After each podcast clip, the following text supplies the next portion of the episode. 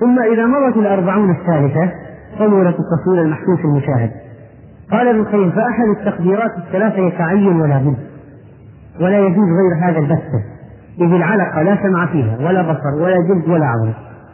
وهذا التقدير الثالث وهو آخر واحد المسكوت وغير المسكوت أليق بألفاظ الحديث وأشبه وأدل على القدر والله أعلم من مراد رسوله.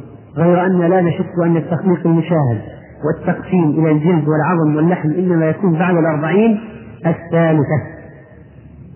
ثم قال ابن القيم ويحتمل وجها رابعا وهو أن النطفة كمفاجآت وهو أن النطفة في الأربعين الأولى لا يتعرض إليها ولا يعتنى بشأنها فإذا جاوزتها بدأ الاهتمام أكثرها فحديث ابن مسعود صريح بأن وقوع ذلك بعد الطور الثالث عند تمام كونها مضغة. وحديث حذيفة بن أسيد وغيره من الأحاديث المذكورة إنما فيه وقوع ذلك بعد الأربعين ولم يوقف فيها البعدية بل أطلقها يعني يقول إذا قلنا أن بعد الأربعين يقع تصوير فما حدد بعد الأربعين مباشرة؟ ولا بعدها فترة فما يتناقض مع حديث الأربعين الثالثة؟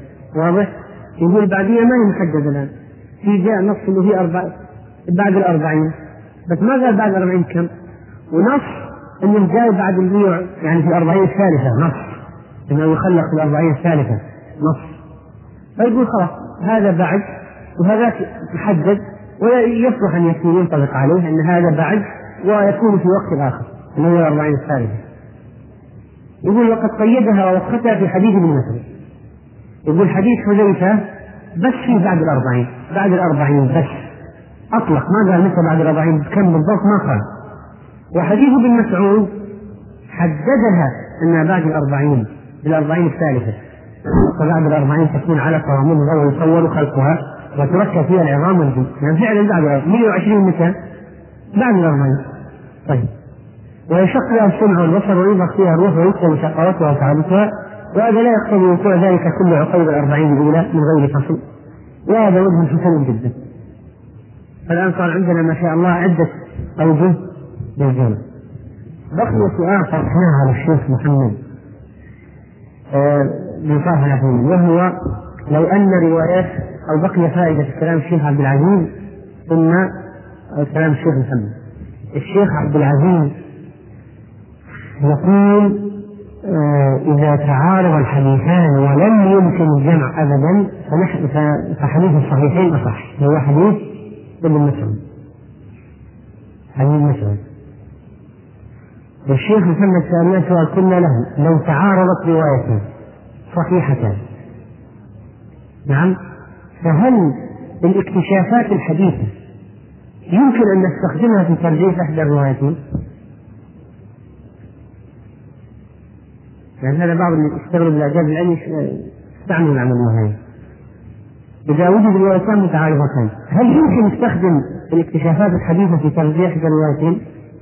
الشيخ محمد قال لا لابد أن نبحث عن وجه من أوجه الجمع الشرعية يعني عند علماء الشريعة ما هو عند علماء الطب والفلك. لأن ما يرجحون به الآن قد يعني يثبت المستقبل أنه خطأ مثلا. نظريات تطلع خطأ ونحن رجحنا بناء عليها. وصيح وأسقطنا واحد رواية ثم ثم في النهاية اتضح أن يعني كلام الشارع لا يتعارض بعضه مع بعض. هذا وحي هذا. يعني هذا وحي ما يمكن.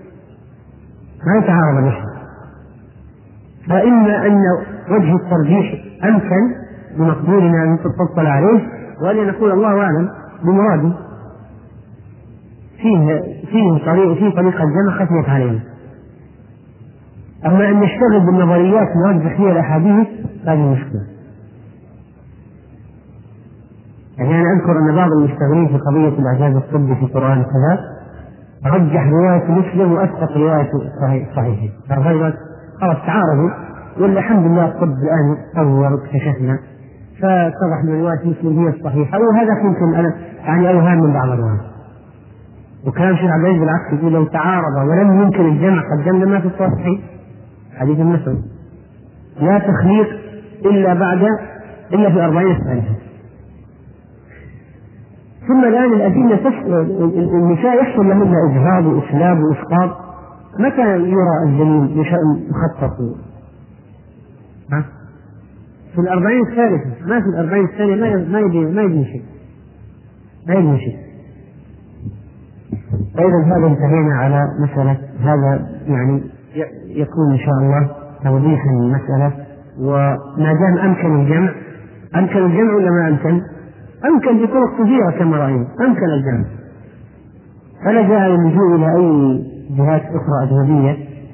لنأخذ منها ترجيح بين الأحاديث. وطرق الجمع عند العلماء يعني موجودة ومعروفة. فلا فلا مناص من من الاشتغال بناء عليها. طيب. أما بالنسبة للآخر الحديث فقد بينا في المرة الماضية كيف أن الإنسان يمكن أن يكون يعمل بعمل أهل الجنة ثم يسبق عليه الكتاب فيعمل بعمل أهل النار فيدخلها. طيب أيهم أسهل في التصور؟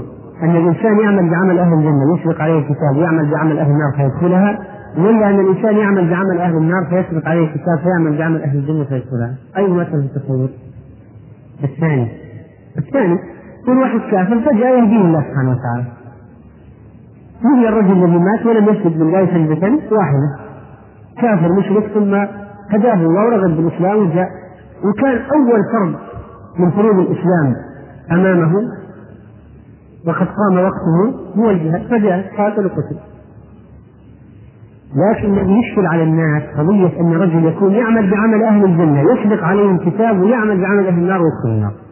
وقد ذكرنا في المرة الماضية ضوابط وأسباب لفهم الحديث وأن المسألة ليست قوة خارجية تحدث الإنسان بدون إرادته وأن الإنسان هو الذي أضل نفسه فلما زاغ الله قلوبهم وأن الإنسان لو اجتهد بالأعمال الصالحة والطاعات فإن الله يثبته وإن الله لا يذل الناس الذين يريدون الثبات ويريدون أن يستقيموا على الدين. وقلنا بأن الذين ينحرفون وقد كانوا يعملون بعمل أهل الجنة فيما يبدو للناس يعني هي احتمالات إما أن يكون فيه بذرة نفاق أصلا في قلبه. بذرة نفاق وكبر أصلا موجودة في قلبه. لكن كانت مخفية. مثلا يكون في جو ناس صالحين. فلا يتظهر بذرة النفاق لأن الجو لا يساعد على ظهورها. لكن إذا تغير وضعه وسافر مثلا أو صار وسط ناس سيئين برزت البذرة وطغت وكبرت وصارت الأعمال بناء عليها. فيكون عنده أصل الانحراف موجود في قلبه لكن ما كان الوضع يساعد على ظهوره ثم بعد فترة ظهر. وقد كان يعمل فيما يبدو للناس إنه من أهل الجنة. أو أن الإنسان يكون فعلا صالح مستقيم ثم تضعف نفسه. تضعف وتضعف وتضعف حتى يصل إلى درجة مهرية ويبدأ يترك واجبات ويفعل محرمات. هو هو بإرادته ما أحد غصبه على هذا. هو الذي انحرف تعرض للمغريات وبدأ ينحرف شيئا فشيئا. ويرتكب محرمات وحتى استمرأ المنكر والران الذي في قلبه نقطة نكتة وراء نكتة سوداء إلى أن طبع على قلبه وصار أسود مثل الفحم مربادا كالكوز مجخيا لا يعرف معروفا ولا ينكر منكرا ويموت على ذلك وأنه لا يمكن لمسلم أن يتصور أن معنى الحديث أن الإنسان يكون مجاهد يجاهد نفسه ويعمل الله بالطاعات ويجاهد نفسه في المحرمات ويتوب إلى الله بين لحظة وأخرى ويواظب على ذكر الله ثم فجأة يصبح يجد نفسه ثابت ما في سبب. في أسباب هو يعملها. بذرة نفاق أو ضعف هو متعمد أن يفعل المنكرات واحد وراء الآخر يتساهل حتى يقع في عمل أهل النار. ولذلك السلف رحمهم الله كانوا يخافون على أعمالهم.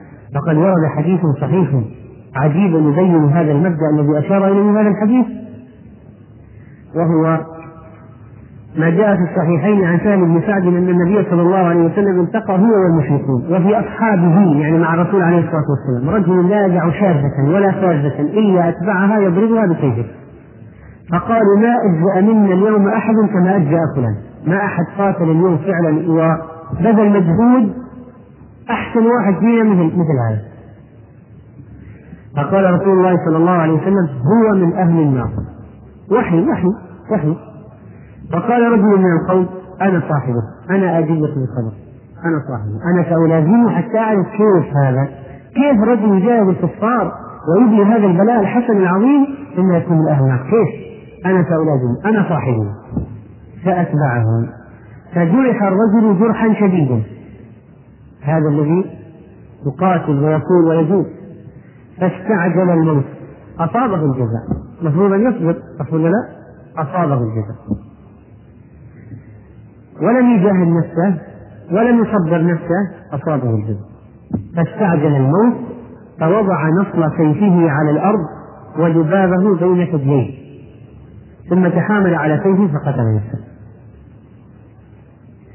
فخرج الرجل المراقب هذا إلى رسول الله صلى الله عليه وسلم فقال أشهد أنك رسول الله. وقص عليه القصة فقال رسول الله صلى الله عليه وسلم إن الرجل لا يعمل عمل أهل الجنة فيما يبذل الناس وهو من أهل النار وإن الرجل لا يعمل عمل أهل النار فيما يبذل الناس وهو من أهل الجنة. إنما الأعمال بالخواتيم. وجاء أيضا قصة رجل آخر كان يجاهد ويجاهد وقال الرسول عليه الصلاة والسلام هو من أهل النار.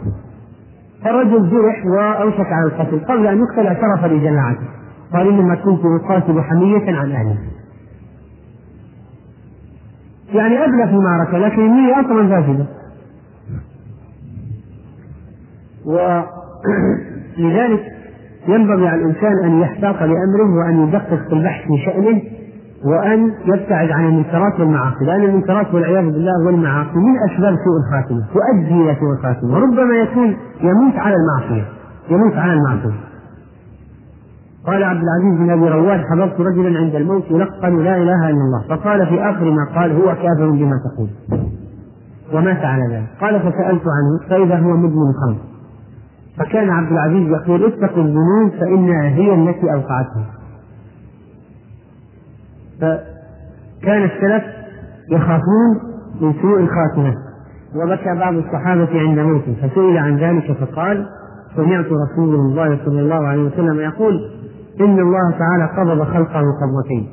فقال هؤلاء في الجنة وهؤلاء في النار ولا أدري في أي القبضتين كنت. وإسناده صحيح رواه أحمد. وقال بعض السلف ما أبكى العيون ما أبكاها الكتاب السابق. الذي يعني كتب الخلق كتب فيه أقدار الخلق من الجنة أو النار. ما أبكى الخلق مثل هذا لأن الإنسان يخاف الله. ولا يدري هو في أي المنزلين ينزل ولا يدري يؤخذ به ذات اليمين أو ذات الشمال ولا يدري هو في قبضة الجنة أو في قبضة النار. فكون الكتاب السابق موجود هذا مصدر خوف. بالنسبة لنا المفروض أن يدفع الإنسان إلى الاجتهاد في العمل لأنه لا يدري من أي المحلين ينزل.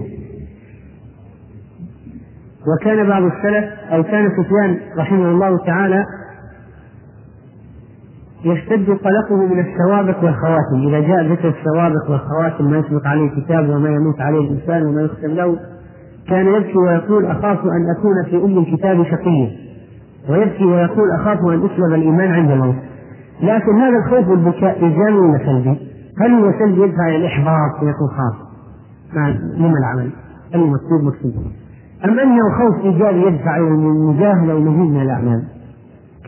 فإذا بعض الناس عندهم خوف يؤدي إلى إحباط ويؤدي إلى جزع وإلى يأس من رحمة الله. وفي ناس عندهم خوف يؤدي إلى زيادة الأعمال الصالحة ويؤدي إلى الاندفاع والمثابرة والمجاهدة لكي يضمن أنه في النهاية يموت على طاعة الله. قال أبو حاتم الأصم من خلق قلبه من ذكر أربعة أخطار. وقال حاتم الأصم من ذكر من خلق قلبه من ذكر أربعة أخطار فهو مغتر فلا يأمن الشقاء. الأول خطر يوم الميثاق حين قال هؤلاء في الجنة ولا أبالي وهؤلاء في النار ولا أبالي فلا يعلم في أي فريقين كان. والثاني حين خلق الخلق في ظلمات ثلاث فنودي الملك بالسعادة والشقاوة ولا يدري أمن الأشقياء هو أم السعداء هو في بطن أمه. والثالث ذكر هول المطرع وهو عندما يموت الإنسان ويلقى الله بعد موته مباشرة ولا يدري أيبشر برضا الله أو بسخطه والرابع يوم يصدر الناس أشتاتا ولا يدري أي الطريقين يسلك به. يخرجون من القبور. وين يروح؟ مع اليمين ولا مع الشمال؟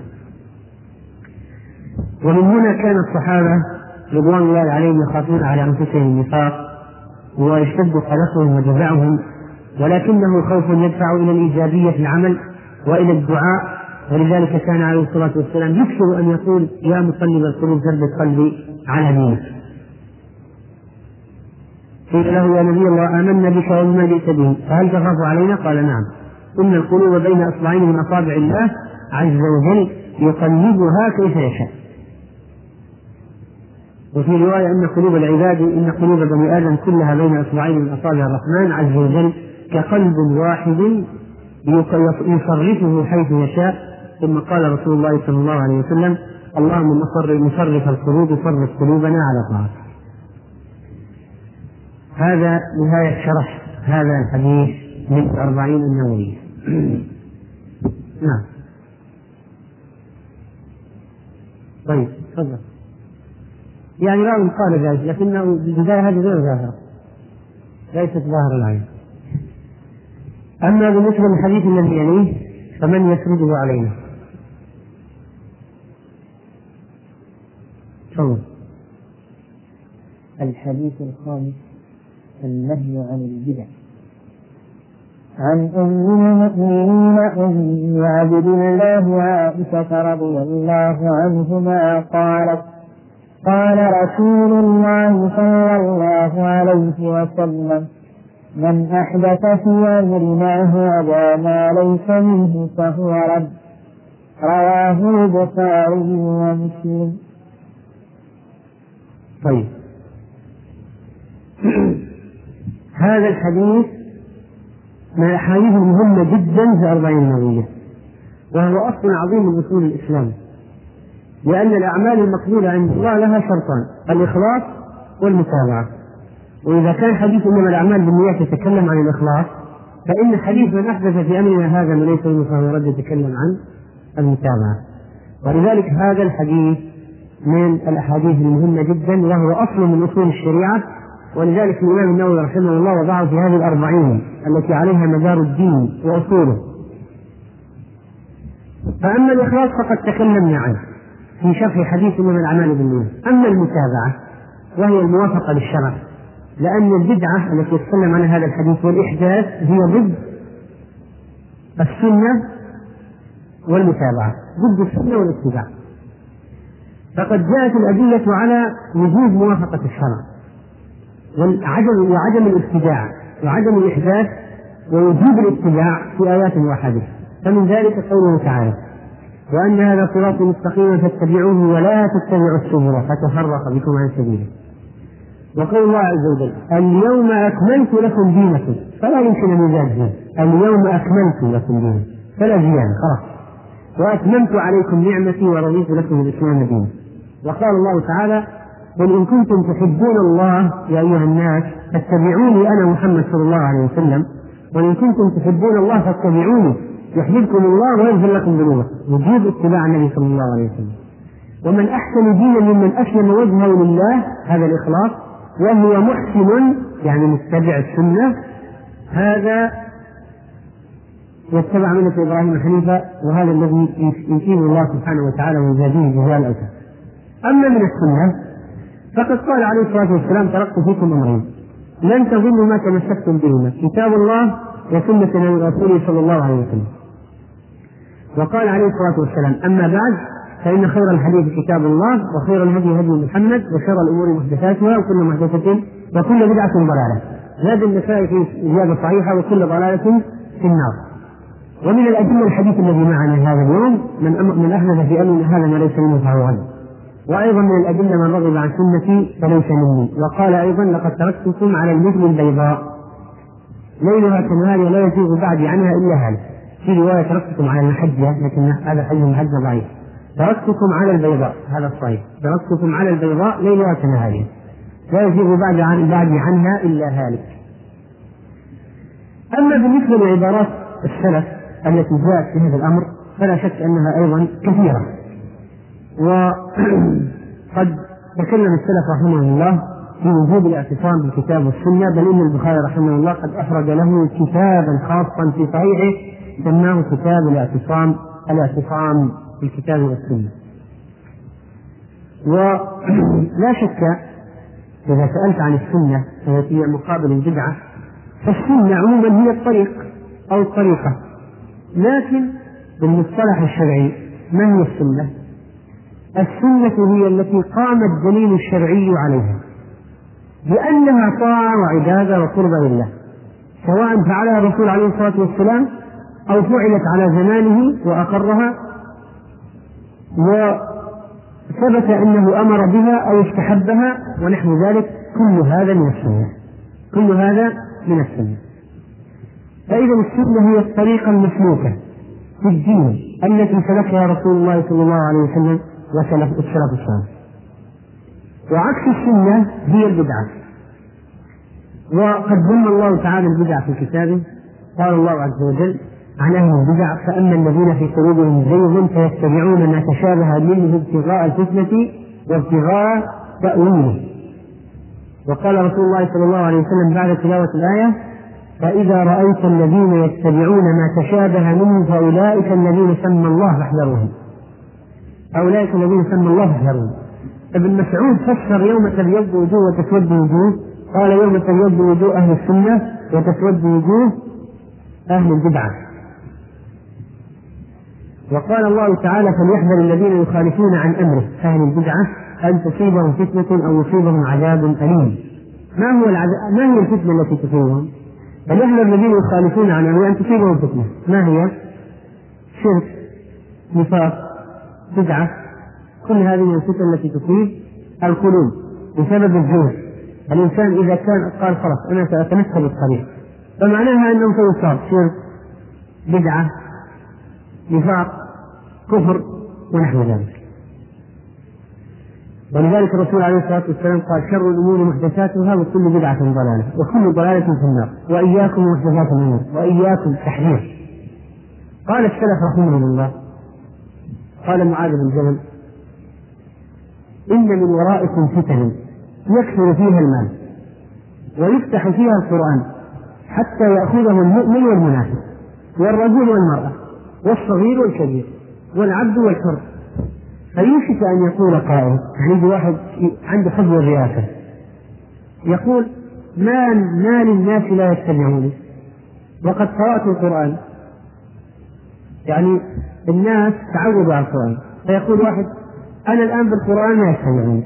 إيش الطريقة لكي أجعلهم يتبعون؟ أجعل لي أعوان أو أجعل لي أتباع، ما الحل؟ ابتدع لبدعة. ابتدع بدعة يعني يعجب بها الناس يستنون بها فيتبعون. فيصبح هو رأس البدعة.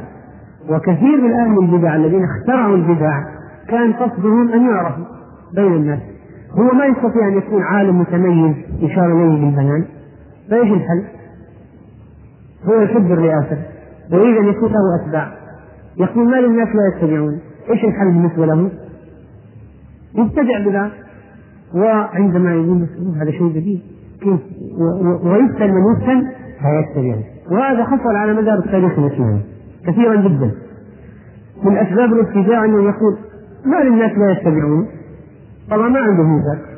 شرعية. فيقول اذا وما هم بمتبعي حتى أتبع لهم غيرهم. يقول معاذ فإياكم وابتدع فإنما ابتدع ضلالا واحذروا غيرة الحكيم. فإن الشيطان قد يقول كلمة الضلال على لسان الحكيم وقد يقول منافق كلمة الحق. وعن أبي العالية قال تعلموا الإسلام فإذا تعلمتموه فلا ترغبوا عنه. وعليكم بالصراط المستقيم فإن الإسلام فإنه الإسلام. ولا تحلفوا عن الصراط يمينا ولا شمالا. وعليكم بسنة نبيكم محمد صلى الله عليه وسلم والذي عليه أصحابه. فإنا قد قرأنا القرآن من قبل أن يفعلوا الذي فعلوه خمس عشرة سنة. وإياكم وهذه الأهواء التي تلقي بين الناس العداوة والبغضاء فحدثت به الحسن فقال صدق ونصح. وعن ابن عباس قال عليكم بالاستقامة والأثر وإياكم والتبدع. وقال ابن مسعود اتبعوا ولا تبتدعوا فقد كفيتم كل ضلالة. ما في داعي لفتح أشياء جديدة. كفيتم وضحت الأمور. وهناك كلام من غاية الجمال والعجوبة لعمر بن عبد العزيز رحمه الله. كتب لأحد ولاة يثرب أما بعد أوصيك بتقوى الله والاقتصاد في أمره. إيش يعني الاقتصاد في أمره؟ يعني يعبد الله على الدليل على بصيرة لا تتعدى وتزيد كن مقتصدا في العبادة فلا تبتدع واتباع سنة نبيه صلى الله عليه وسلم. وترك ما أحدثه المحدثون بعدما جرت به سنته. فإنها لك بإذن الله عصمة وهي السنة. ثم اعلم أنه لم يرتدع الناس بدعة إلا قد مضى قبلها ما هو دليل عليها أو عبرة فيها. فإن السنة إنما سنها من قد علم ما في خلافها من الخطأ والزلل والحمق والتعمد فرض لنفسك ما رضي به القوم لأنفسهم الصحابة والتابعين. فإنهم على علم وقفوا. ليش ما زادوا في العبادات؟ اخترعوا في العبادات. ليش؟ لأن العلماء فإنهم على علم وقفوا. وببصر نافذ كفوا. لماذا كفوا عن البدع؟ ما ابتدعوا. عندهم بصيرة وهم على كشف الأمور كانوا أقوى. وبفضل ما كانوا فيه أولى. فإن كان البدع ما أنتم عليه لقد سبقتموهم إليه. يقول يعني لو أنكم أنتم مثل ما جاء ابن مسعود جاء أبو موسى إلى ابن مسعود. قال يا عبد يا أبا عبد, أبا عبد الرحمن إني وجدت قوما في المسجد. حلقا حلقا. وعلى كل حلقة واحد. يقول لهم يا أيها الناس سبحوا مئة فيسبحون مئة كبروا مئة فيكبرون مئة هللوا مئة فيهللون مئة قال فماذا فعلت؟ قال يعني جئت آخذ رأيك. أنا ما فعلت لهم شيء. قال هل أمرتهم أن يعدوا سيئاتهم؟ ثم تلثم ابن بن مسعود وذهب إليهم في المسجد حتى دخل فإذا هم حلق حلق على هذه على هذه الشاكلة. واحد يقول واحد في حلقة يقول هللوا مئة؟ يهللون مئة سبحوا مئة يسبحون مئة فكشف اللسان وقال أنا أنا أو عبد الله صاحب رسول الله صلى الله عليه وسلم. ويحكم يا أمة محمد. ما أسرع هلكتكم هذه آنية نبيكم لم تكسر وثيابه لم تبلى. ما صار له مات فترة طويلة. ما أسرع هلكتكم بسرعة طلعت فيكم البدع ثم حمل عليهم حملة شنيعة. قالوا يعني أردنا الخير. قال كم من مريد للخير توصيله ما فقط النية إنها صالحة لابد الطريقة تكون صحيحة. قال الراوي فلقد رأيت عامة هؤلاء يطاعنوننا يوم النهروان في قتال الخوارج. أكثر الحلق هؤلاء في المسجد أصحاب البدع رأيتهم في جيش الخوارج يوم النهروان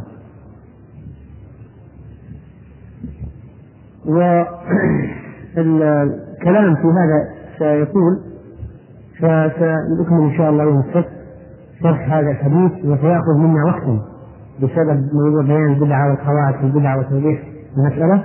والله أعلم صلى الله وسلم على نبينا محمد.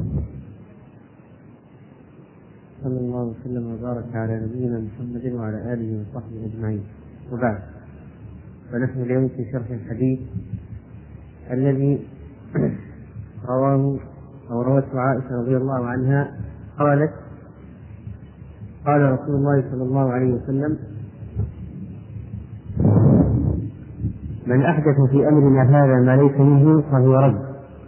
رواه البخاري ومسلم وفي رواية لمسلم من عمل عملا ليس عليه أمرنا فهو رد. وسبق أن ذكرنا مقدمة في شرح هذا الحديث. ونتابع الكلام عليه إن شاء الله في هذا اليوم.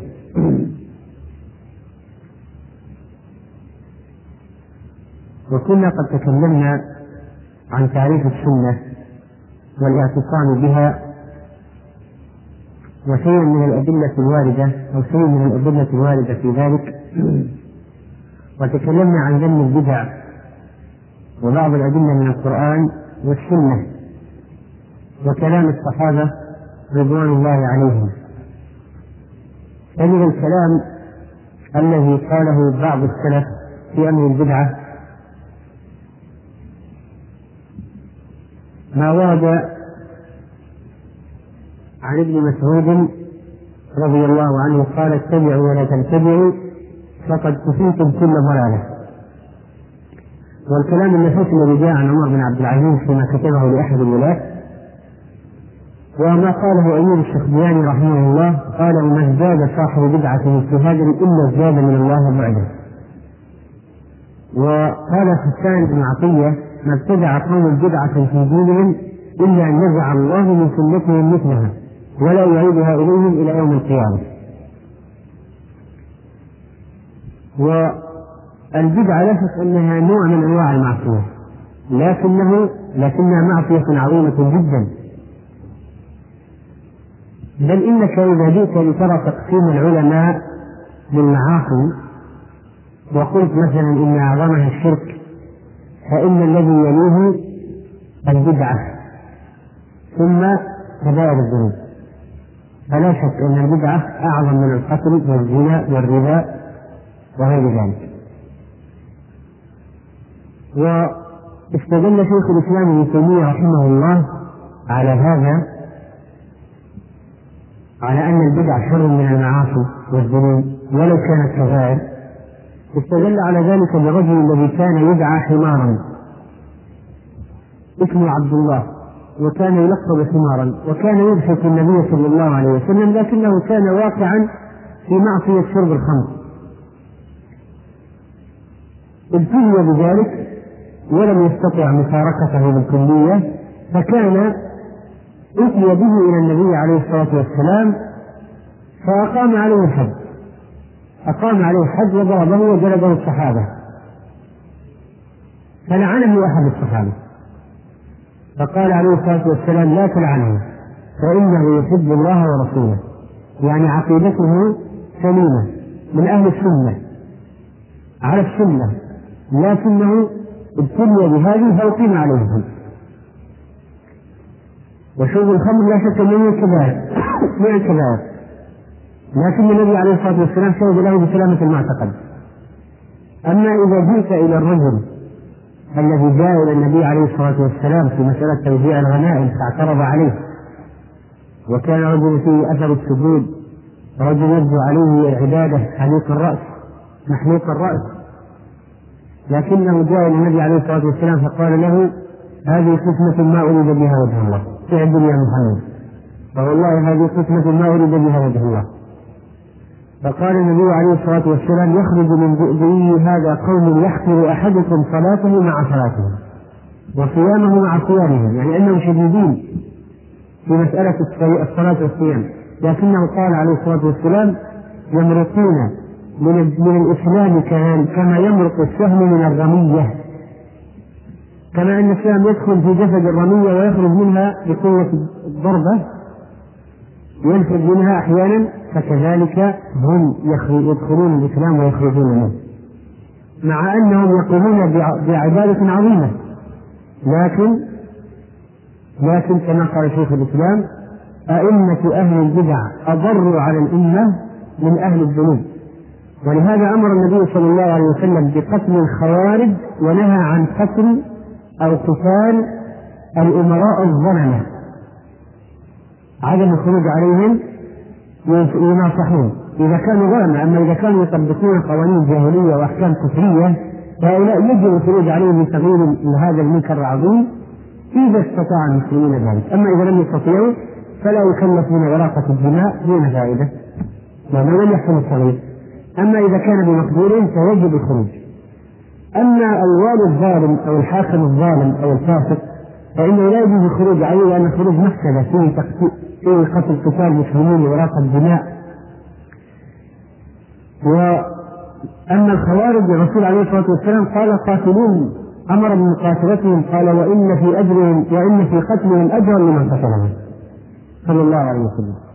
والسبب أن البدع أسوأ حالا ومآلا من المعاصي وإذا دققنا في معنى خطورة البدعة، لماذا البدعة خطورة؟ ما هي خطورة البدعة؟ فإن خطورة البدعة تكون في عدة أمور، منها مثلا أن المبتدع يقول وهو معنى بدعته لسان حاله يقول أن الرسول صلى الله عليه وسلم خان في أداء الأمانة والرسالة. خان زعم أن الرسول عليه الصلاة والسلام خائن. اتهمه اتهم الأمين صلى الله عليه وسلم بأنه خان الرسالة. كما قال الإمام مالك رحمه الله من أحدث في هذه الأمة شيئا لم يكن عليه سلفها فقد زعم أن رسول الله صلى الله عليه وسلم خان الرسالة. لأن الله يقول اليوم أكملت لكم دينكم وأتممت عليكم نعمتي ورضيت لكم الإسلام دينا. فما لم يكن يومئذ دينا فلا يكون اليوم دينا. فلو واحد ابتدع شيء الآن وقال هذا من الدين هذا شيء طيب. ما فعله رسول الله صلى الله عليه وسلم. ما معنى الكلام؟ يعني أن الرسول عليه الصلاة والسلام أخفى هذا الأمر. لو كان طيب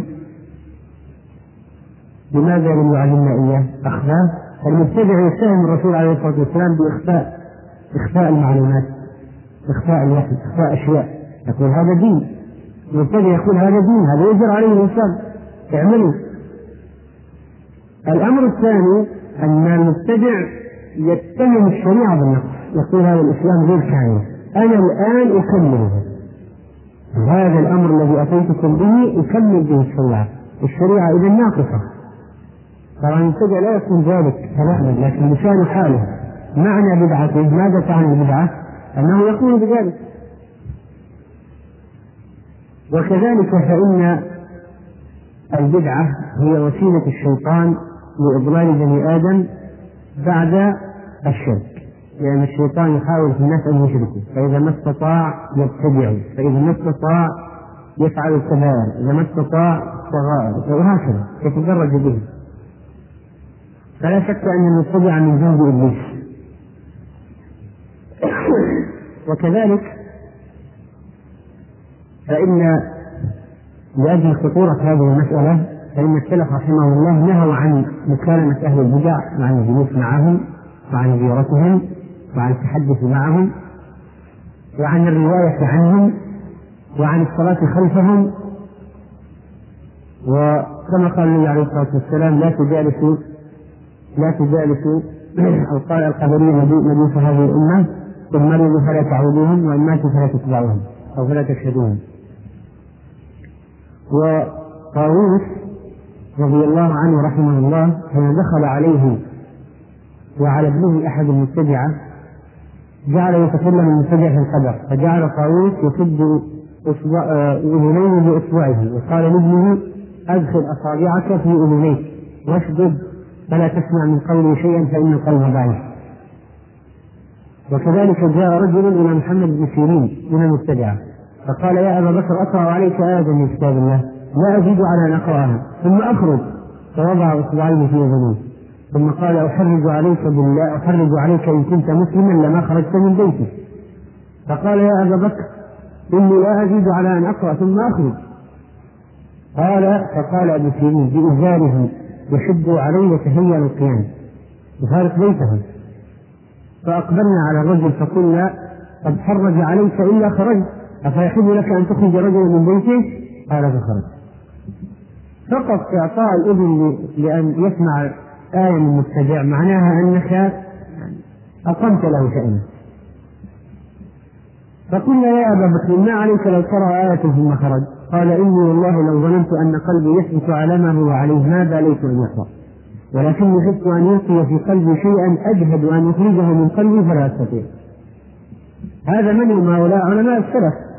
يشتدون هذه الشدة في معاملة المبتدعة أما بالنسبة لظهور البدع في هذه الأمة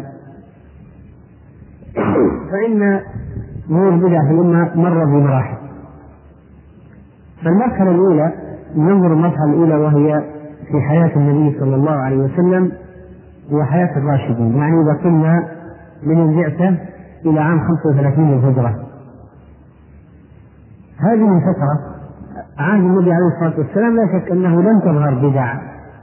وطرق بدعية لأن النبي عليه الصلاة والسلام كان حريصا جدا على أصحابه وكان عليه الصلاة والسلام يقاوم أي بادرة من بوادر الاتباع كما فعل مع الثلاثة الذين حرموا على أنفسهم أشياء من المباحات.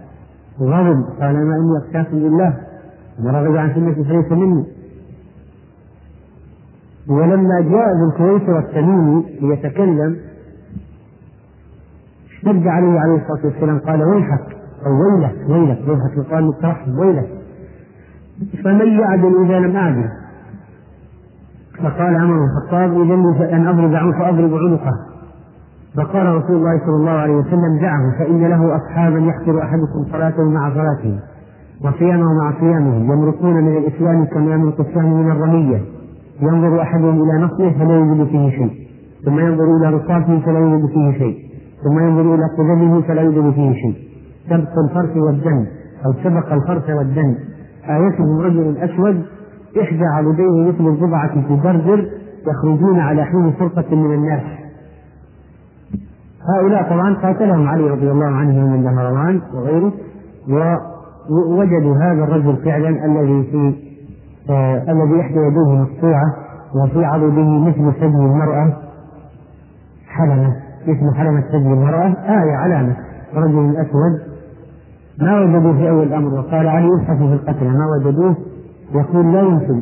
إن الرسول عليه الصلاة والسلام أخبر أنه أن هذا آيته حتى وجدوه فسجد عليه شكرا لله. لأن نطمئن أن عرف أنه قاتل فعلا القوم الذين أمر النبي عليه الصلاة والسلام بقتالهم. فإذا النبي عليه الصلاة والسلام كان مقاوما وملاحظا في مسألة البدع. ويمكن اعتبار أن حادث ابن الغيظ التميمي أول بدعة ظهرت في الإسلام من جهة هذه النابتة أو الفكرة التي نبتت في ذهن الرجل وسيخرج منه سيخرج منه وقول النبي عليه الصلاة والسلام من بؤبئي هذا يعني من نسله وصلبه وهذا ما حدث في آخر آخر العهد الراشد في عهد علي خرج هؤلاء وكانوا رأس الخوارج. وتجمع الناس حول الفكرة في عهد عمر في عهد أبي بكر الصديق حارب المرتدين استمر الوضع على النقاء والصفاء من جهة الابتداع لا يوجد لا تتم تسجل حالات واضحة. في عهد عمر بن الخطاب نفس الشيء وكان شديدا جدا على من تحدث عنده أي بادره مثل حادث الصبيغ بن عشري الذي كان يسأل الناس على ما يتشابه من القرآن يسأل عن المتشابه. فأعد له عمر على دين النخل. فأتى به فضربه حتى سال دمه على رأسه. قال يا أمير المؤمنين ذهب الذي في رأسي ثم نفاه أمر بمقاطعته. في عهد عثمان بن عفان لم يظهر هناك بدع لكن كان هناك أشياء سرية في الأسفل من فتنة عبد الله بن سبأ وأشياعه الذين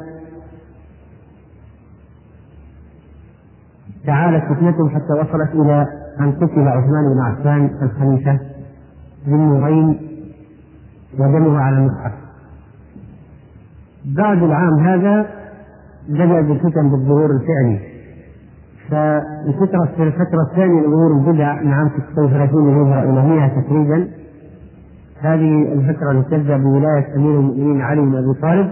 طبعا ظهر الخوارج ظهور واضح ظهور عسكري جيش منظم فرقة من حاجة وأعلنوا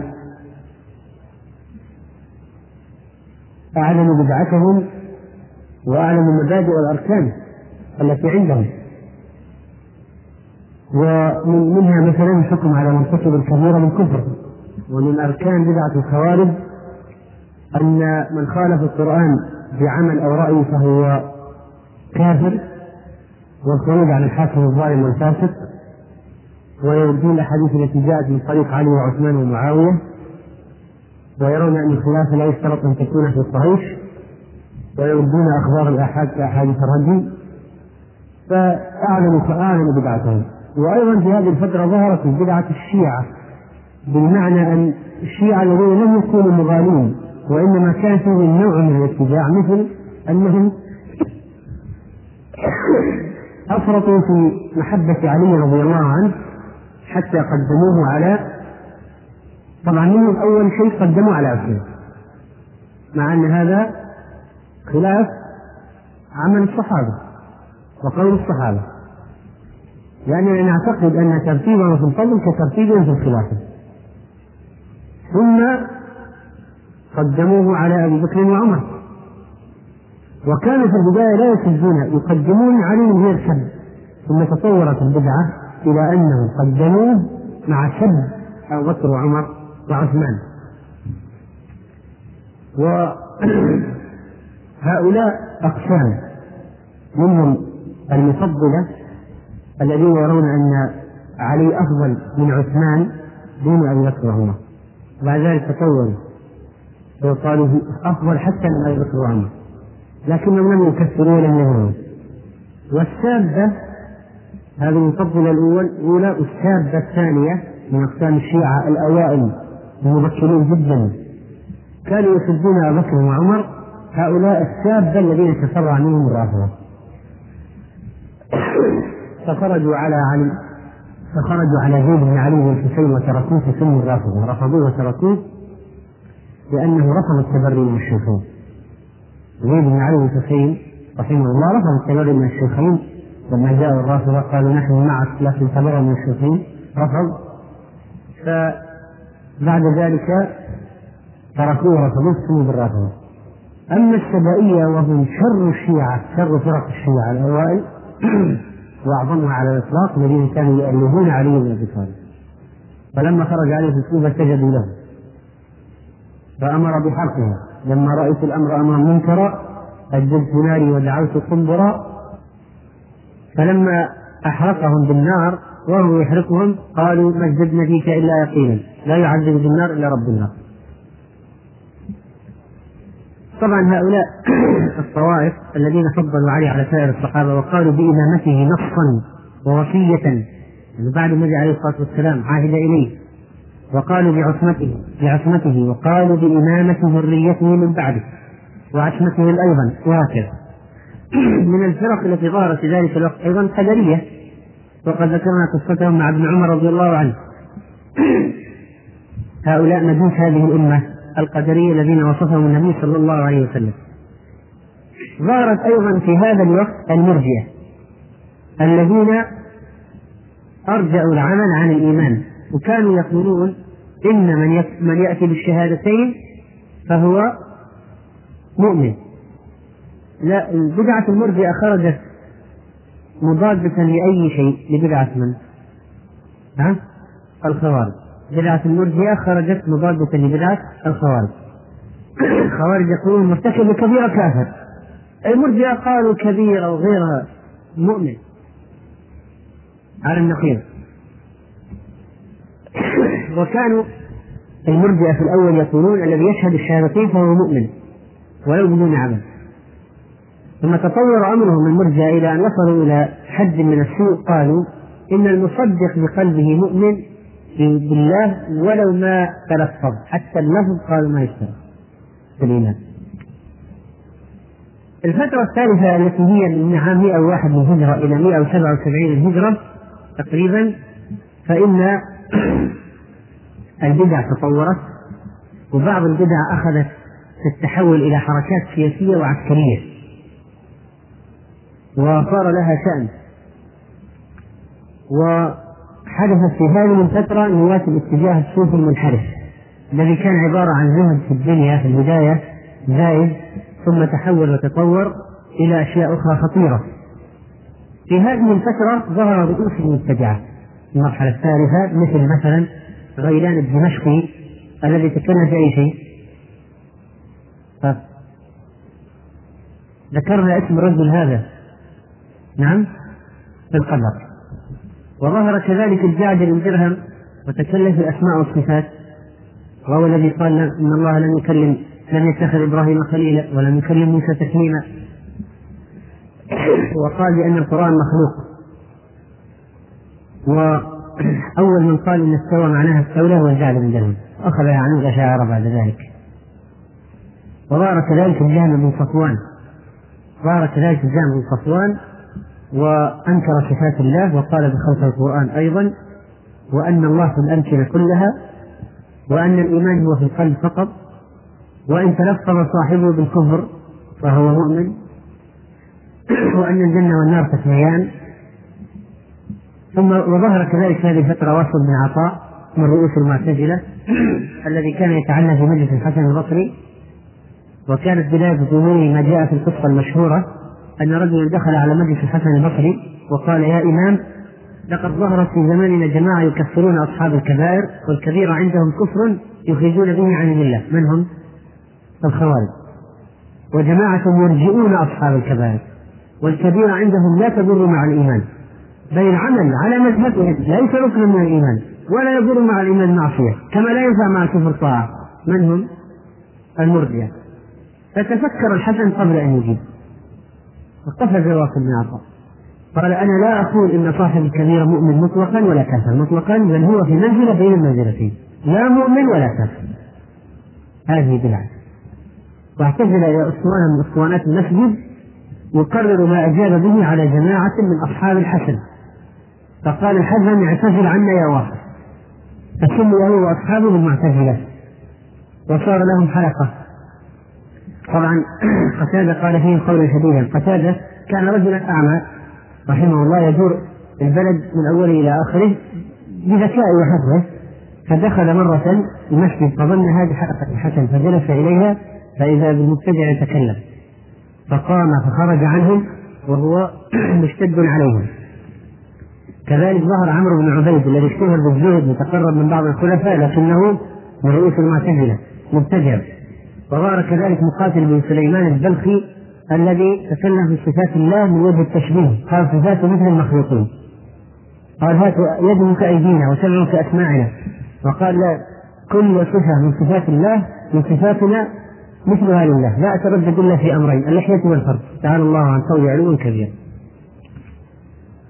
وفي هذه الفترة آه، بدأت البدع بالظهور وبدأ أقطاب البدع بالظهور. يعني صار هناك أئمة لهم أئمة للبدعة في الفترة الرابعة وهي من عام 178 الهجرة إلى 300 للهجرة ترجمت الكتب. من اليونانية وكتب الفلاسفة والهند والفرس وفتن الناس بالعقليات التي كتبها الفلاسفة. لما ترجمت وصارت الفرق المبتدعة تأخذ سندا فكريا لها من الكتب المترجمة فالصوفية أخذت فلسفة الإشراق من الهند والمعتزلة أخذت الفلسفة المنطق العقلي آه، العقلي عقليات من المنطق اليوناني والشيعة والباطنية أخذت فلسفة الإمامة والعصمة والحلول والتناسخ من أين؟ من عقيدة الفرس المجوس وتداخلت الفرق في هذه الفترة أيضا فتبنت بعض الفرق آراء لفرق أخرى. مثل المعتزلة الذين أخذوا من من القدرية أشياء والجهمية أيضا. والشيعة أخذوا من المجسمة أشياء والمرجئة أخذوا من الجبرية أشياء. والصوفية أخذت من من؟ حركتان مشهورتان بينهما تعاون وتناصر على مر التاريخ. الشيعة الصوفية والشيعة فتفرقت المبتدعة إلى فرق كثيرة يسب بعضهم بعضا ويلعن بعضهم بعضا ويكفر بعضهم بعضا وهكذا حصل التفرق والاختلاف الذي نهانا الله ورسوله عنه. طبعا مما ساعد على انتشار البدعة وجود أناس فيهم خير وصلاح ودين لكن عندهم أخطاء مثل ابن كرام وابن كلاب وابو الحسن الأشعري. هؤلاء ثلاث أشخاص هم في أنفسهم فيهم صلاح وخير ودين لكن عندهم اعتقادات خاطئة. فانتشرت البدع بسببهم. ليسوا أهل سوء بمعنى أنهم منحرفين ضالين مثلا من أصحاب الفكر الخارج عن الدين أو الذي يريد الدس في الدين أو الكيد لأهل الدين. ولذلك انخدع بهم بعض الناس. فانتشرت آراؤهم وخرجت الفرقة الكلابية والأشعرية والكرامية.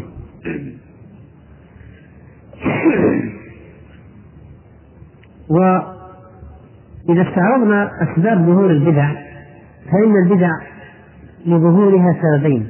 الأول سبب كوني قدري شاء الله سبحانه وتعالى وهو قول الله عز وجل لو ولو شاء ربك لجعل الناس أمة واحدة. ولا يزالون مختلفين إلا من رحم ربك ولذلك خلقهم. فالله عز وجل قادر على أن يجعل كل الناس مسلمين من أهل السنة على السنة. ولو شاء ربك لآمن من في الأرض كلهم جميعا.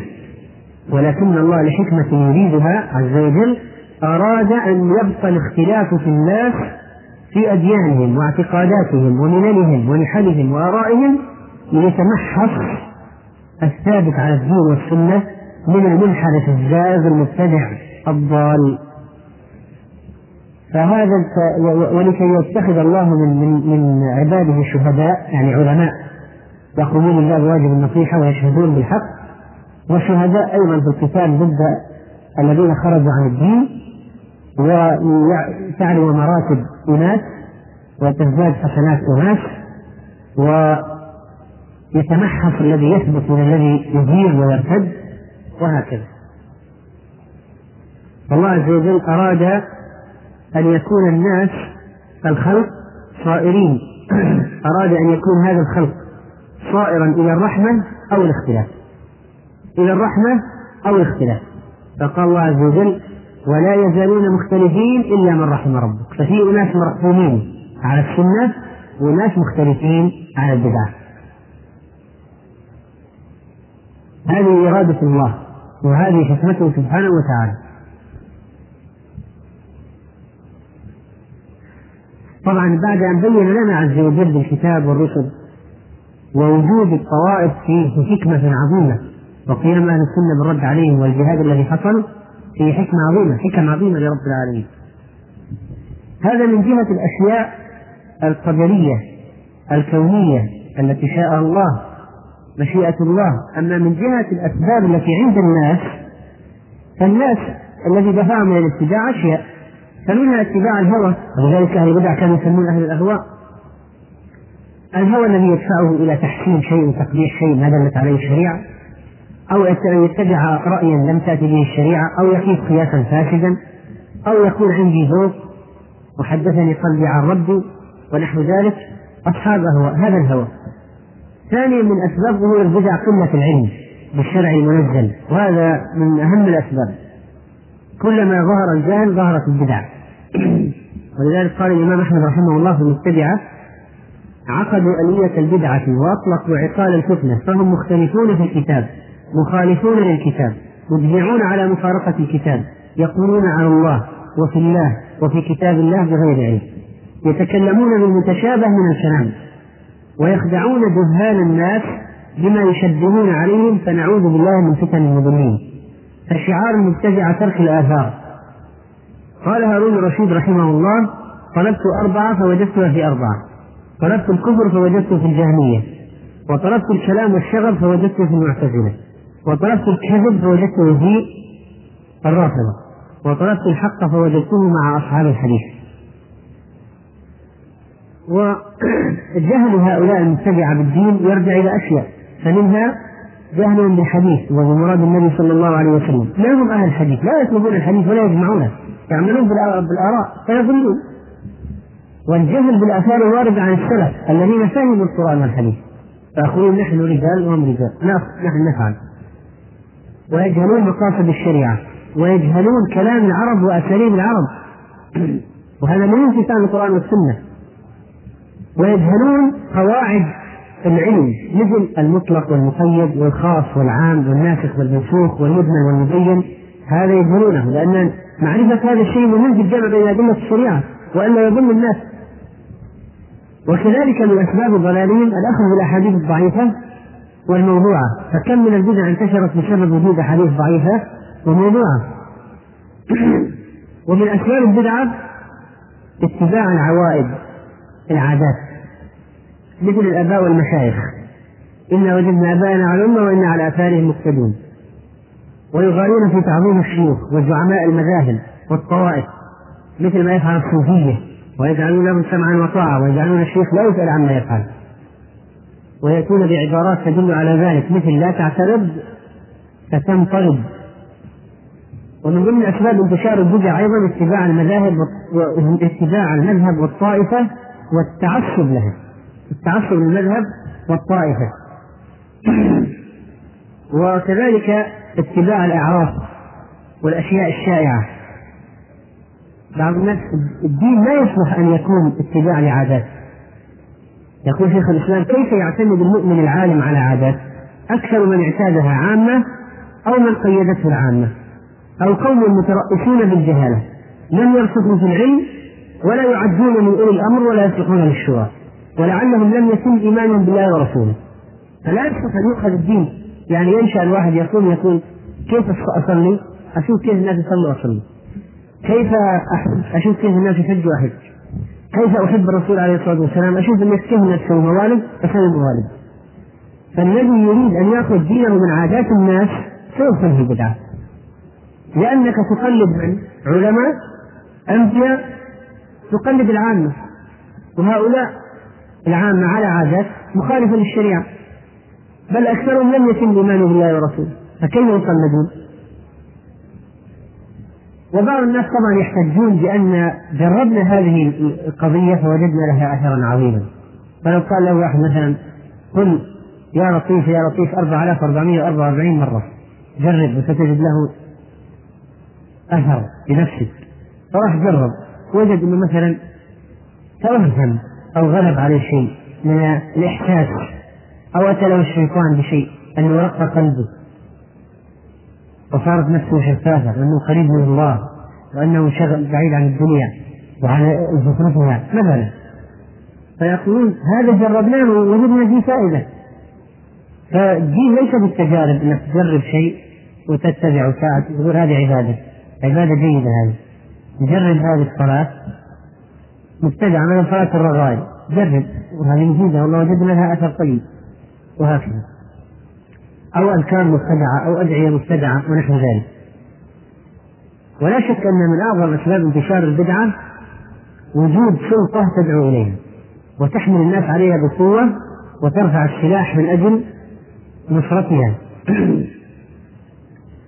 ولذلك انتشرت البدع في خراسان وبدع القرامطة في البحرين. الخوارج انتشرت في خراسان والقرامطة انتشرت في البحرين. وبدع الرافض انتشرت في اليمن وإيران بسبب قيام دول بسبب قيام أنظمة بسبب قيام سلطة تحامي عن هذه العقيدة وهذا المبدأ. ولذلك انتشرت. صارت مسألة مسألة قوة وجيش يحمي. قال المالكي رحمه الله ومقالة أهل البدع لم تظهر إلا بسلطان قاهر أو بشيطان معاند فاجر يضل الناس خفي خفيا ببدعته أو يقهر ذاك بسيفه وصوته أو يستمينه بماله ليضله عن سبيل الله ويعمقونهم مناصب. مثلا ولا شك أن المعتزلة لما دخلوا في خلفاء بني العباس أو في بعض خلفاء بني العباس وصارت الشوكة لهم في الدولة خلاص نشروا المذهب بقوة الدولة. ويعزلون قضاة ويعينون قضاة من عندهم. وهكذا ويحملون الناس الذي لا يرضى يسجن يقتل. أو نشر مقررات يدرسها الناس. فبهذه الطريقة إذا وجدت البدع إذا وجدت البدع من يسندها من الناحية السلطوية انتشرت. كذلك من أسباب انتشار البدع أن يكون قائلها له لسان ساحر. كما قال عليه الصلاة والسلام إن من البيان لسحرا فيخدع الناس ويلبس عليهم. وكذلك من أسباب انتشار البدع احتفاء المبتدعه ببعضهم وتعاون مع بعضهم ولذلك الآن تجد هؤلاء ولو كانوا في أي قطر من أقطار العالم مترابطين مع بعضهم متكاتفين مع بعضهم. من أنواع الباطنية وغيرهم. الصوفية الاغاخانيه القاديانيه الإسماعيلية يجعلون هذا مثلا يجعله المركز العالمي لكذا أو الهيئة العالمية لكذا وتجمع كل المبتدعة الذين تحت هذا العنوان أو الصنف. ولذلك لا يستعجب أبدا أن السلف رحمهم الله كانوا شديدين جدا على أهل البدعة بعد عرض هذه الأسباب وخطورة القضية بمعرفة كيف يشق الدين. في مسألة البدع هذه ليست معاصي. لو الناس واقعين في زنا وربا وخمور أسهل بكثير ردهم إلى الدين مما إذا كانوا واقعين في بدع لا شك في ذلك. ما في شك؟ فكيف إذا التزم الأمران ولذلك السلف كانوا يعني كلامهم في ذم في موقف من مواقف من البدع شديد. فيقولون مثلا المبتدع يؤذن. يسجن يعذر يضرب. لا يجالس لا يحدث عنه لا يكلم يهجر يقاطع. يناظرون. إذا كانت المناظرة في صالح المسلمين وأهل السنة كما فعل ابن عباس مع الخوارج بل يقاتلون ويحاربون كما فعل مع الخوارج علي رضي الله عنه. وإظهار السنة. وفي عهد المعتزلة لما قاموا مع بعض بني عباس حاول بعض علماء المسلمين وهذه الحركة ينبغي أن تدرس ويقرأ عنها. ولكن حركة غير مشهورة. مع أن الذي قام بها علم عظيم من أعلام السنة. لكن قدر الله أن تفشل هذه الحركة. وهي حركة أحمد بن نصر الخزاعي رحمه الله. الذي اختفى وحاول إدارة عمل لمواجهة فتنة المعتزلة. والقيام عليهم بالقوة. حركة أحمد بن نصر الخزاعي وكان الإمام أحمد يثني عليه جدا. ثم قتل شهيدا لما اكتشف أمره رحمه الله تعالى. يعني القيام عليهم بالسيف حصل من بعض السلف. اتجاه القيام عليهم بالسيف تولى أحمد بن نصر الخزاعي واتجاه القيام عليهم بكلمه الحق عند سلطان الجائر وإظهار السنة وإعلاء الراية والصبر عليها كما فعل الإمام أحمد رحمه الله. واما بالنسبة للبدعة فالبدعة إذا جئنا إلى تعريفها من ناحية اللغة فإنك إذا فتحت بعض القواميس ستجد أن البدع البدعة مأخوذة من البدع وهي وهو إحداث شيء لم يكن له من قبل مثيل ولا ذكر ولا معرفة. أو البدع الشيء الذي يكون أولا في كل أمر ما حد سبق به. كما قال الله عز وجل ما كنت بدعا من الرسل؟ في قبل الرسل. وكذلك من معاني الابتداع أو البدع من معاني البدع في اللغة ابتداء الشيء الشيء وصنعه على غير مثال سابق. كما قال الله عز وجل بديع السماوات والأرض. فالله عز وجل ابتدع السماوات والأرض على غير مثال سابق. ما كان في سماوات ولا في ارض فالله عز وجل هو الذي خلقها بهذه الكيفية والصورة. اما من جهه ارتباط المعنى اللغوي بالمعنى الشرعي واضح لأن المبتدع يأتي بعمل ليس له في الشرع مثيل ولا له في الشرع باب يدخل تحته ولا قاعدة يندرج فيها ولا دليل يدل عليه فهو يأتي بشيء جديد في الدين.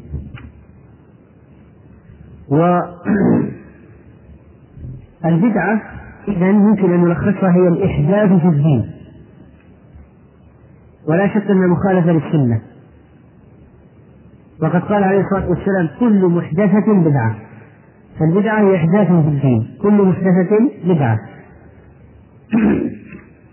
أما من جهة التعريف الشرعي التعريف الشرعي للبدعة فإذا قلت الإحداث في الدين جيد. وإذا قلت أن البدعة مثلا تعرفها على أنها ما أحدث في الدين على خلاف ما كان عليه النبي صلى الله عليه وسلم وأصحابه. من عقيدة أو عمل فهو تعريف سائر وجامع. ما أحدث في الدين على خلاف ما كان عليه النبي صلى الله عليه وسلم وأصحابه من العقيدة والعمل. أما الإمام الشاطبي رحمه الله فإنه عرف البدعة تعريفا دقيقة. وضرب لها أمثلة وهو من أروع من كتب كتابات الإمام الشاطبي في البدعة في كتابه الأعتصام ثم الموافقات. على أن الاعتصام لم يكتمل ولا الموافقات لكن ما وصل إلينا من هذين الكتابين فيه ثراء عظيم لأهل السنة. و الشاطبي بحق من المقاعدين لمسألة البدعة عند أهل السنة تقعيدا عظيما بالأدلة والأمثلة وهو من أصحاب العقول الراجحة رحمه الله تعالى.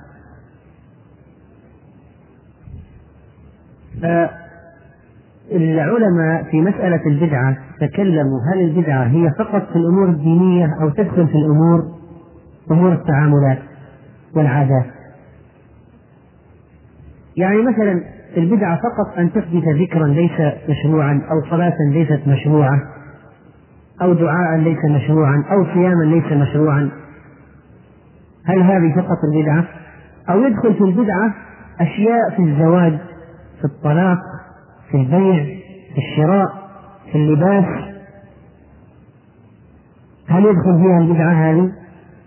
الراجح نعم الراجح نعم أنها تدخل البدعة تدخل في العادات وليست فقط في الأمور الدينية. فإذا قلت البدعة على أحد التعريفين هي عبارة عن طريقة في الدين مخترعة تضاهي الشرعية يقصد بالسلوك عليها المبالغة في التعبد إلى الله سبحانه. فأنت تعرف البدعة وتحصرها في الإيش؟ في الأشياء الدينية في العبادات. وتقول هذه طريقة مسلوكة في الدين يعني تخترع في الدين وتلصق بالدين فهي إذا ليس لها علاقة بالأشياء الدنيوية وإنما في الدين تضاهي الشرعية يعني أنها تضاد بالطريقة الشرعية. ووجه التضاد تضاد البدعة مع الشريعة كثير. فنأخذ أمثلة توضح. مثلا من ألزم نفسه بشيء لم تلزم به الشريعة. هذا مبتدأ. من طبعا على سبيل القربة إلى الله. قال كل يوم بعد مثلا كذا بصلي ست ركعات أو عشر ركعات في كذا. هذا ألزم نفسه بشيء لم ترد به الشريعة وهو مبتدع قصده إيش؟ القربة والديانة. فهذا يكون مبتدعا أو خصص عبادة بزمان لم يرد به لم ترد به الشريعة. أو مكان لم ترد به الشريعة. أو هيئة لم ترد بها الشريعة. هذا يكون عملا محدثا. و بعض الأسباب النفسية للابتداع في قضية العبادات أن النفس مثلا تمل من شيء معين. النفس تحب التغيير وكل ممنوع مرغوب. فلو جاء واحد وقال للناس كلها سنة رواتب كذا غيروا نجيب لنا صلاة الرغائب ست ركعات بعد المغرب نجيب نشوف صلوات أخرى. نحاول أن نبتكر والنفوس تريد الأشياء الجديدة. وهذا من بعض الأسباب النفسية التي تساهم في نشر البدعة. الناس يحبون الأشياء الجديدة. كما قلنا في كلام معاذ رضي الله عنه قال واحد من الناس قرأت القرآن خلاص الناس ألفوا القرآن ما صاروا يجتمعون عليه فلا أتي لهم بشيء آخر. ألفت نظرهم وأجعلهم يلتفون حولي. فإذا الأشياء الجديدة هذه كنت مرة أسمع شريف في تلاوة القرآن. واحد خذ اسمع شوف إيش رأيك في هذا الشريف؟ يقول إن الذين آمنوا ويقف والذين هادوا يقف والنصارى والصابئين ويقف. مع إنه ما هو مجال للوقف هذا ويلحنها وينقطها لما انتهى من الآية قال واحد من اللي يشجعه الفرقة الجوقة. قال إيه الله إيه الحاجات الجديدة دي يا عم؟ يعني الحاجات الجديدة هذه لها يعني لها أثر عندهم ملفت شيء مبهر. وهكذا هكذا في قضية العبادات. أما تعريف الشامل للبدعة وهي طريقة في الدين مخترعة يقصد بالسلوك عليها ما يقصد بالطريقة الشرعية أو طريقة مخترعة وليست في الدين ما مقيدة في الدين. يقصد بالسلوك عليها ما يقصد بالطريقة الشرعية فهذا يدخل في البدعة الأشياء التي تكون في الدين وفي العادات والأشياء الدنيوية. لكن المهم أنه يقصد بالسلوك عليها ما يقصد بالطريقة الشرعية. ولذلك يخرج منها الطائرات والاختراعات والكهرباء والتليفونات والأشياء هذه لأن هذا الشخص الذي يبتكر ويخترع أشياء في الأشياء الدنيوية يخفي التسهيل على الناس مثلا. فلا إشكال. والصحيح أن البدعة تدخل في العبادات وتدخل في العادات أيضا. تدخل في العبادات وتدخل في العادات أيضا. ولذلك سنوضح هذا الأمر بشكل أكثر تفصيلا. فنقول إن البدعة التي تكون في العبادات مسألتها واضحة وضرب الأمثلة لها سهل فلو قلنا مثلا التلفظ بالنية ما رأيكم؟ بدعة متعلق بإيش؟ بعبادة مثلا صلاة الرغائب ما هي؟ بدعة متعلقة بالعبادات وهكذا و المسألة مسألة دخول البدعة في العادات ينبغي أن نوضحها بمثال. فنقول مثلا رجل ترك اللحم.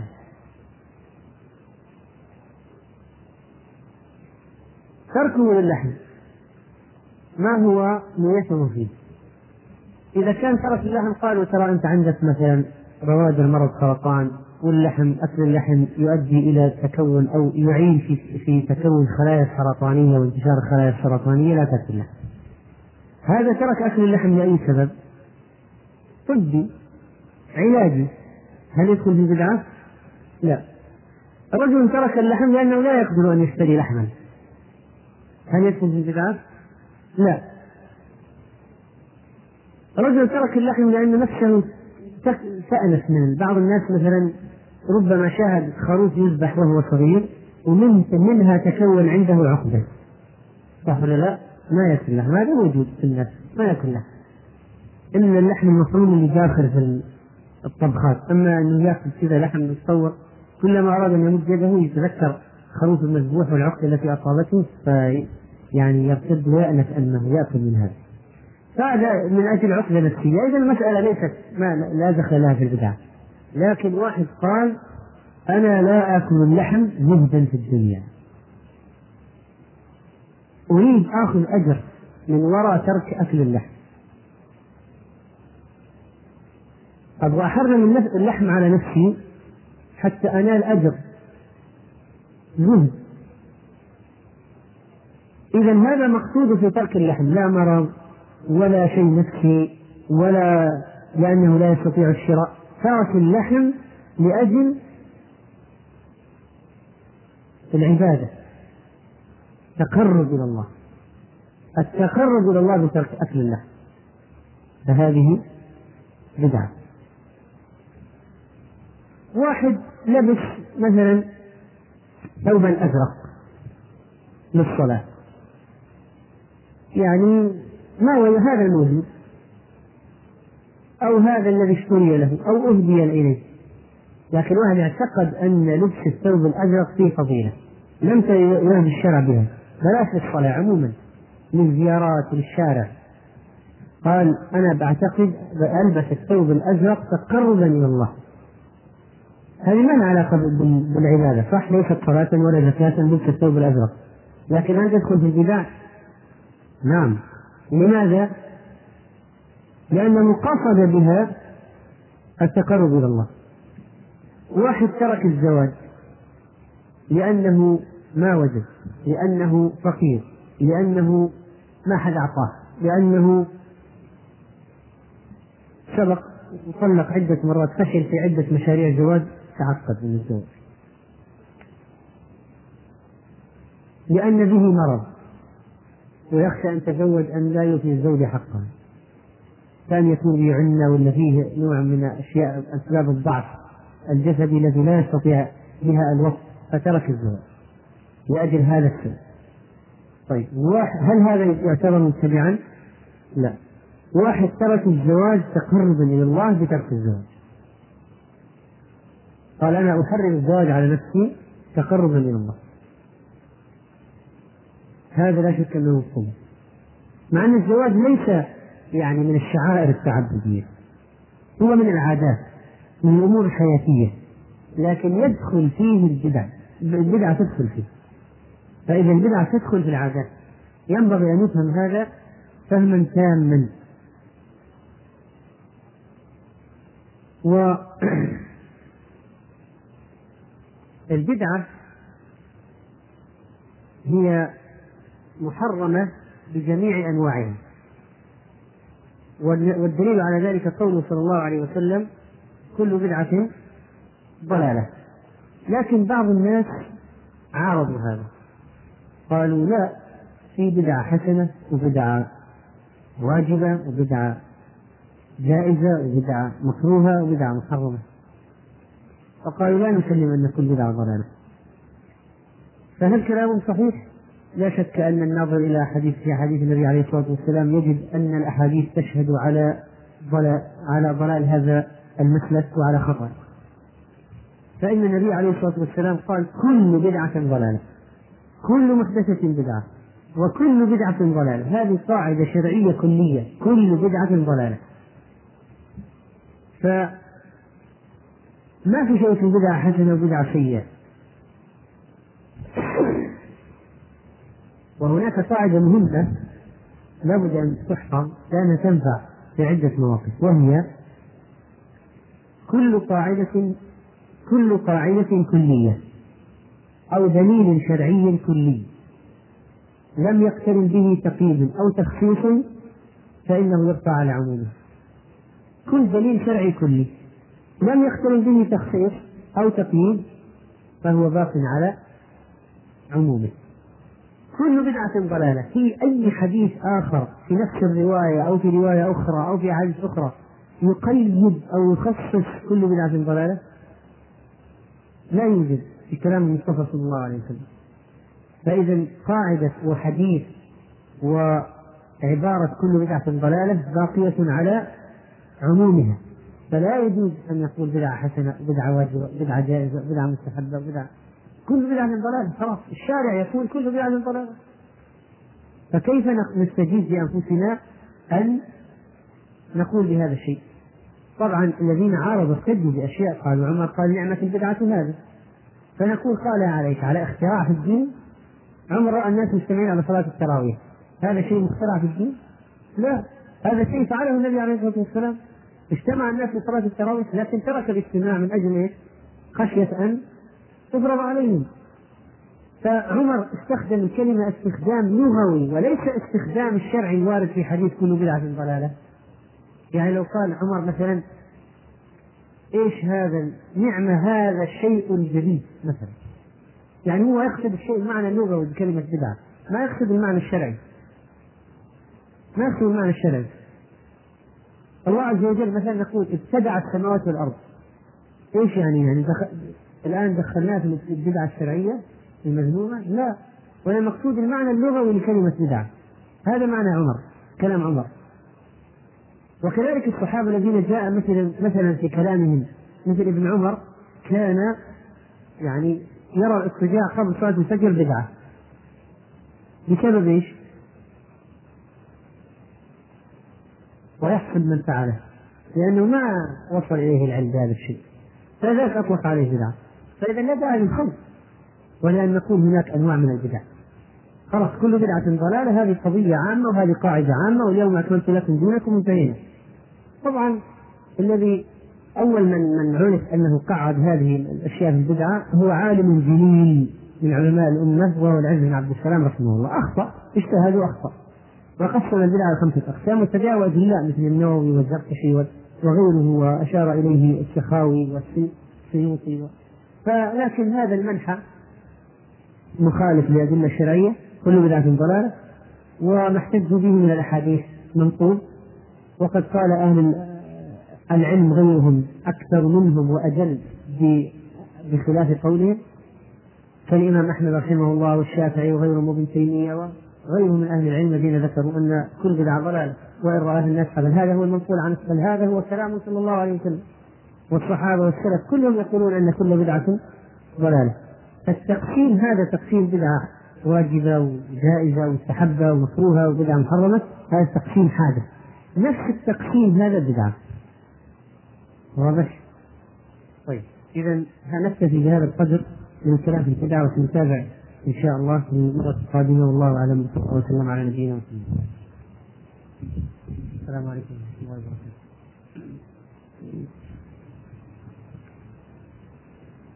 الحمد لله رب العالمين وصلى الله وسلم وبارك على نبينا محمد وعلى آله وصحبه أجمعين. وبعد فنحن نتكلم في الحديث الذي هو أصل من أصول الإسلام من أحدث في أمرنا هذا ما ليس منه فهو رد. ولعل هذا الحديث فيه تعريف البدعة في قوله صلى الله عليه وسلم من أحدث في أمرنا هذا ما ليس منه. فكل إحداث في الأمر هذا في هذا الأمر بما ليس منه فإنه بدعة. والبدعة مردودة على صاحبها أي أنها باطلة أي أنه لا يؤجر عليها بل إنه يأثم على ارتكابها. وقد ذكرنا في آخر الدرس الماضي أن كل بدعة ضلالة وأن هذا اللفظ وهو كل بدعة ضلالة صيغة من صيغ العموم التي لم يرد لها في الشرع لا استثناء ولا تقييد. ومن هنا نعلم أن من ذهب إلى تقسيم البدعة على أنها بدعة حسنة بدعة مستحبة بدعة مكروهة بدعة واجبة بدعة محرمة أن هذا التقسيم هو نفسه مبتدع تقسيم مبتدع وحديث النبي عليه الصلاة والسلام كل بدعة ضلالة كل بدعة ضلالة. وإن ذهب إلى ذلك من ذهب من الفضلاء كالعز بن عبد السلام والزركشي رحمه الله والجرجاني وكذلك تبعه تبع الغزالي واللكنوي وغيرهم. فالجواب أن كل بدعة ضلالة وهذا اللفظ العام لم يرد له أي تخصيص فلا يعتبر بعد ذلك أي اجتهاد ما دام النص موجودا. و لا بد أن نعلم أو من الأمور المهمة معرفتها في مسألة البدعة أن أهل السنة يفرقون بين الفعل الذي يكون بدعة والفعل الذي يكون معصية ونحن قد تكلمنا في المرة الماضية في المقارنة بين المعصية والبدعة. وأيهما أشد؟ البدعة أشد من المعصية. البدعة أشد من المعصية. وإن كانت البدعة في العموم تدخل في المعاصي هي معصية لله لكنها نوعية خطيرة من المعاصي فهي أخطر من بقية المعاصي. والثقل في ذلك أن العاصي لا يعتقد أنه بمعصيته يرضي الله. بل إنه بمعصيته هو يعتقد عندما يرتكب المعصية أنه عاصي لله آثم مخالف خارج عن الطاعة هو يعتقد ذلك العاصي. أما المبتدع فإنه عندما يقوم بالبدعة فإنه يعتقد أن عمله قرب إلى الله. وهذه الخطورة. من زين له سوء عمله فرآه حسنا. هذا أضل. من الذي يفعل المعصية وهو يعرف أنه مخطئ أما المبتدع يفعل الانحراف والبدعة وهو يظن ويعتقد أنها قربة ولذلك يصر عليها وينشرها ويأمر بها ويلتزمها. فمن هنا صارت البدعة أخطر. وكذلك إذا نظرنا إلى ما تؤول إليه البدعة من المفاسد في الدنيا وفي الآخرة عرفنا أن البدعة أخطر أيضا من المعصية. لأن الانتشار الذي يحدث بالبدعة أكثر من الانتشار الذي يحدث بالمعصية والبدعة ينشأ عليها الصغير ويموت عليها الكبير ويهاجر عليها الأعرابي حتى يعتقدها الناس دينا وتتأصل وتمشي عبر الأجيال ومن هنا نفهم معنى كلام سفيان الثوري رحمه الله الذي يقول البدعة أحب إلى إبليس من المعصية فإن المعصية يتاب منها والبدعة لا يتاب منها. ما معنى البدعة لا يتاب منها؟ ما معنى كلام سفيان أن البدعة لا يتاب منها؟ تفضل مع تحيات إخوانكم في تسجيلات ابن تيمية بالخبر طيب غيره لأنه يقول أنه يتقرب إلى الله فمن أي شيء يتوب؟ أقول المبتدع عندما يقوم بالبدعة فهو يعتقد أنه يتقرب إلى الله فمن أي شيء يتوب؟ هل عنده دافع للتوبة؟ لكن العاصي عندما يعصي عنده دافع للتوبة لأنه يعلم أنه عاصي بينه وبين نفسه أنه عاصي. ولذلك أصحاب الطوائف الضالة من الباطنية وغيرهم هؤلاء متمسكون بالبدع هم يعتقدونها دين وينافحون عنها فمن أي شيء يتوبون؟ ولذلك تجد الرافضة وغيرهم من الفرق الباطنية يتمسكون تمسكهم شديد بهذا وأصحاب المولد والصوفية يعتقدونه دينا. فمن أي شيء يتوب بل يأمرونك أنت بالتوبة يا متبع السنة. ولذلك كان شأن البدع عظيم وهذا ربما يكون معنى حديث إن الله احتجر التوبة عن كل صاحب بدعة حتى يدع بدعته. والبدعة تحتاج إلى توبة خاصة. خاصة. بها لأنها أكبر من الكبائر أكبر من قتل النفس البدعة. ولذلك فإن الرسول صلى الله عليه وسلم أمر بقتال الخوارج ولم ونهى عن عن قتال الأمراء الظلمة. يعني يحكمون شرع الله لكن ظلمة. فأمر بقتال الخوارج مع أنهم عباد لأنهم مبتدعة. ونهى عن قتال الأمراء الظلمة. بسبب ما جر من الفساد. ومما جاء عن السلف في اعتبار أن البدعة أشد ضررا من المعصية ما جاء عن أبي بكر بن عياش وهذا كان من أئمة السلف ومن القراء المشهورين. هذا الذي قال لي ولدي يا بني لا تعصي الله في هذه الغرفة فإني ختمت فيها القرآن ثمانية عشر ألف مرة. أبو بكر بن عياش قال كان عندنا فتى يقاتل ويشرب وذكر أشياء من الفتن. كان في محلتنا فتى يقاتل ويضارب ويشرب. وذكر أشياء من الفتن ثم إنه تقرأ يبدو أنه صار له نوع من الاطلاع في الكتب أو جلس إلى أناس فتشيع. كان حظه في القراءة والناس الذين جلس إليهم أنهم من الشيعة فتشيع. فسمعت حبيب بن أبي ثابت